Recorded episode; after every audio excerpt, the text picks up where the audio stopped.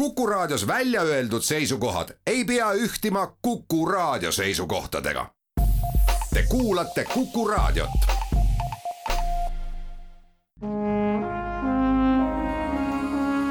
Vanemuise veerand. Vanemuise veerand alustab. saatejuht Tiia Rööp ütleb tere kõigile kuulajatele ja külalisele. tere, lavastaja Priit Strandberg. tervist. palusin sind saatesse tulla kui lavastajat, Priit Strandbergi, kuigi sul on rollid viies lavastuses praegu, mis jooksevad Vanemuises ja jookseb kaks sinu lavastatud tükki. sinu lavastajatööd pakuvad publikule palju rõõmu, kui ma vaatasin naistekoolil vist üks etendus on nüüd kevadhooajal veel tulekul, aga pileteid sinna küll saada ei ole. tõrksa taltsutusega on lood paremini, seitse etendust toimub veel kevadhooajal, aga ega seal ei ole ka piletitega midagi väga hõisata. mida selline publiku poolehoid või tunnustus sulle tähendab, kui sinu lavastusi tullakse vaatama? Antud lavastuste puhul suurt rõõmu ja miks ma ütlen antud lavastuste puhul, sest et ma ei ole kunagi teinud ühtegi tükki selle mõttega, et peaks tegema menuki või et teeks midagi, mis publikule kangesti meeldib. et, et loomulikult ma arvan, lavastusi ei saagi teistmoodi teha kui publikut arvestades, aga antud tekstid, näidendid siis nii Tõrksa taltsutus kui Naistekool said valitud sellepärast, et nad pakkusid väga palju pinget mulle endale ma sain aru, et need on asjad, mis ka näitlejatega vesteldes, et need on asjad, mis võiksid põletada neid või neil on huvi selliste tekstide vastu ja, ja tõesti sellised äh,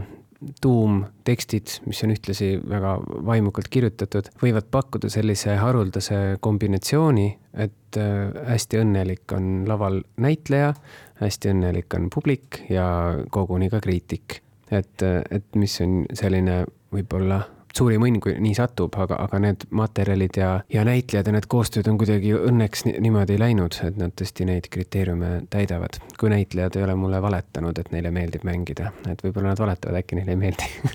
seda tuleb küsida nende käest. aga siis valetavad ju uuesti, et seda saad sina küsida nende käest, kui nad saatesse tulevad, et kuidas tegelikult on.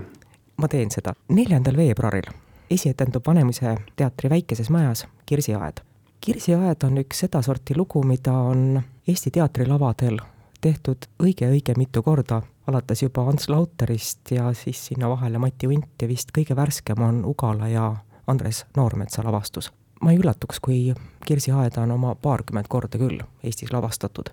mis pani sind Kirsiaeda tegema, kui minu küsimusest tekkis sul tunne, et ma norin, et kui nii palju juba tehtud on, miks sina seda veel, siis ma pean siia juurde lisama, et kui ma käisin libahunti vaatamas detsembris, siis üks tõdemus, mis mul tekkis, oli see, et on olemas selliseid tekste, mida tegelikult on kohane ja peabki aeg-ajalt jälle lavastama, sest nad on nii olulised ja neid on jälle hea vaadata ja mõelda selle üle, millest seal räägitakse.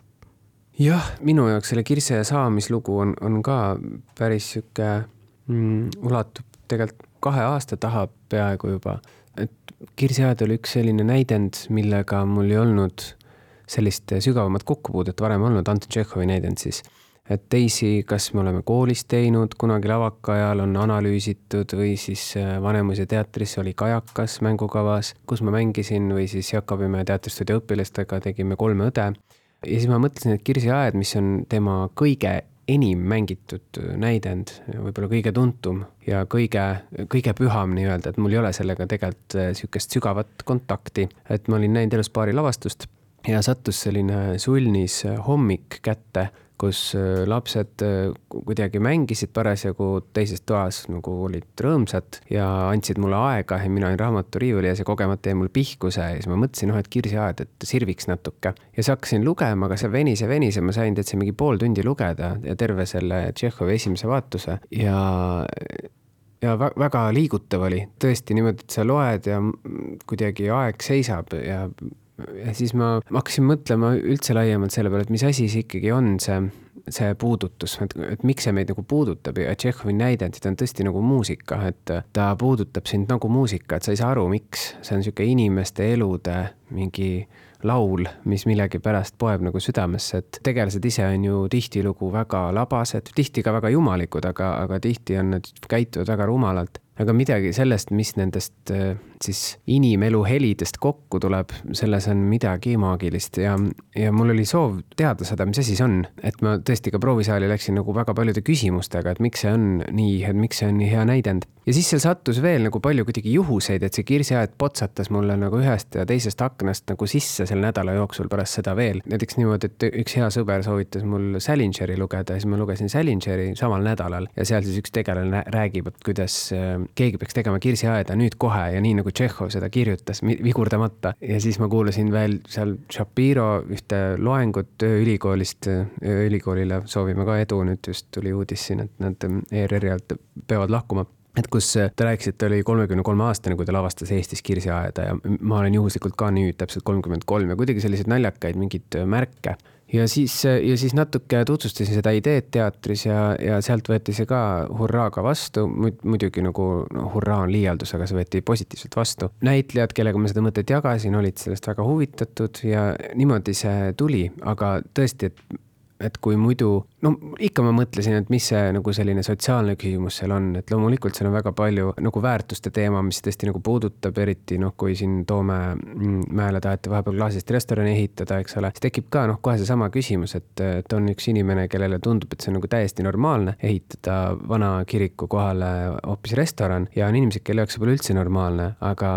aga tegelikult ongi nagu hästi keeruline nagu seda kuidagi siis jõuda kokku, sest inimesed lihtsalt saavad asjadest nagu nii väga-väga erinevalt aru, nad väärtustavad neid asju erinevalt. ja see on see teema, mis on seal hästi tugev, et selle kirsiaia sees on see väärtus, et mida see kellegi jaoks tähendab ja neid, neid lugusid on nagu väga palju.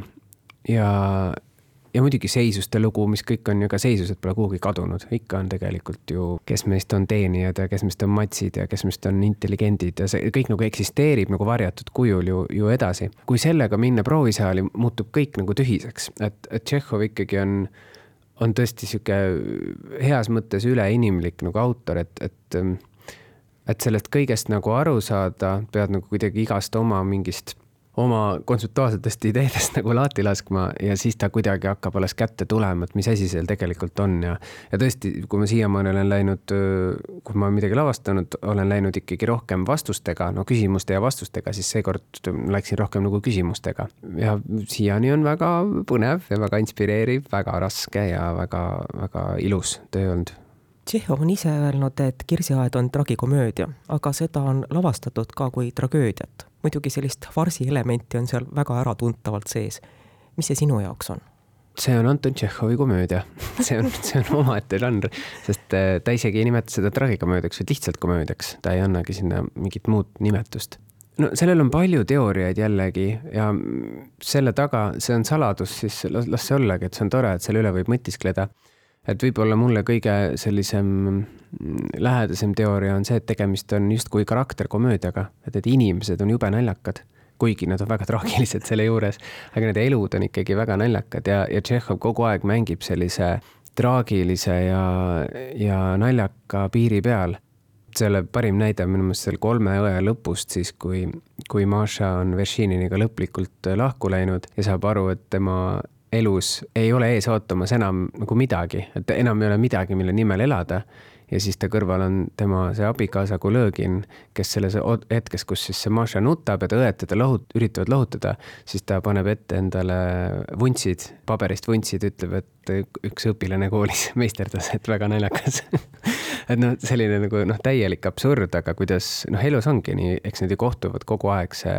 tohutu tragöödia ja komöödia, eriti kui sa oled noh, Tšehhovil tohutu vaatleja, et kui sa istud selle kõrval, siis on inimese tragöödia võib olla väga naljakas, et kui sa ise seda koged, siis, siis sa ei näe sellest seda huumorit, aga, aga kuidagi jah, läbi nende inimeste, läbi karakterite võib-olla on, on see ikkagi, miks, miks ta on komöödia ja kindlasti võib-olla ka mingi kergus, mida Tšehhov tahtis tegelikult oma näidenditesse panna, et, et, et sellepärast. Tšehhovil on tegelasi palju. Sul on ka näitlejaid palju, lisaks kasutad külalisi, kõik ei ole Vanemuise näitlejad. Jah,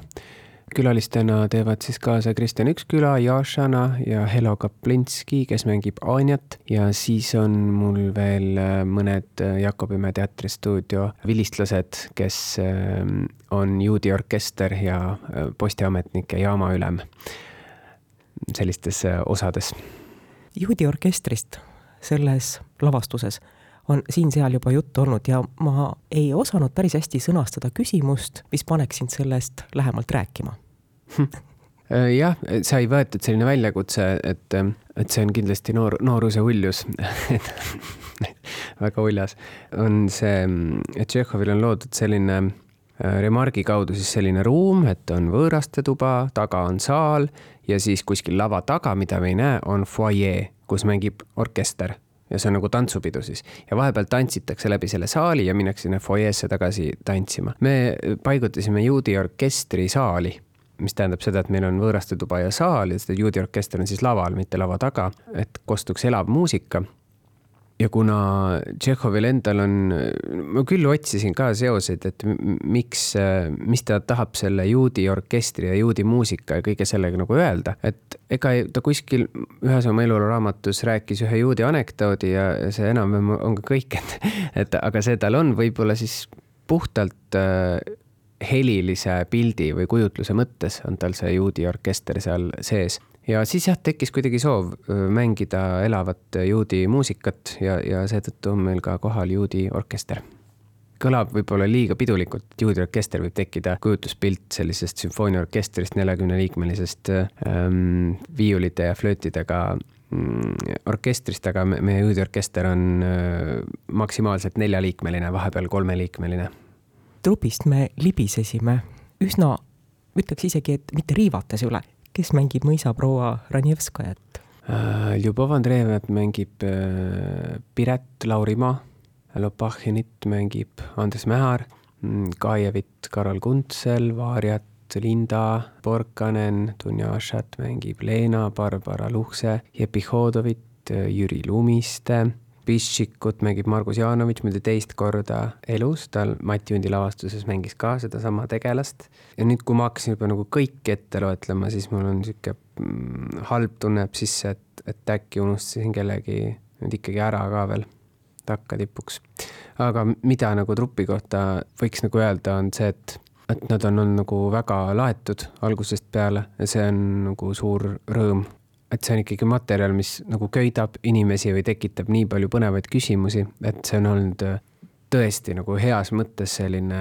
trupitöö, et kõik räägivad üksteise tegelast, Aivar Tomingas Firs, äh, et kõik räägivad äh, üksteise tegelastest, iseenda tegelastest, on advokaadid, on prokurörid, selline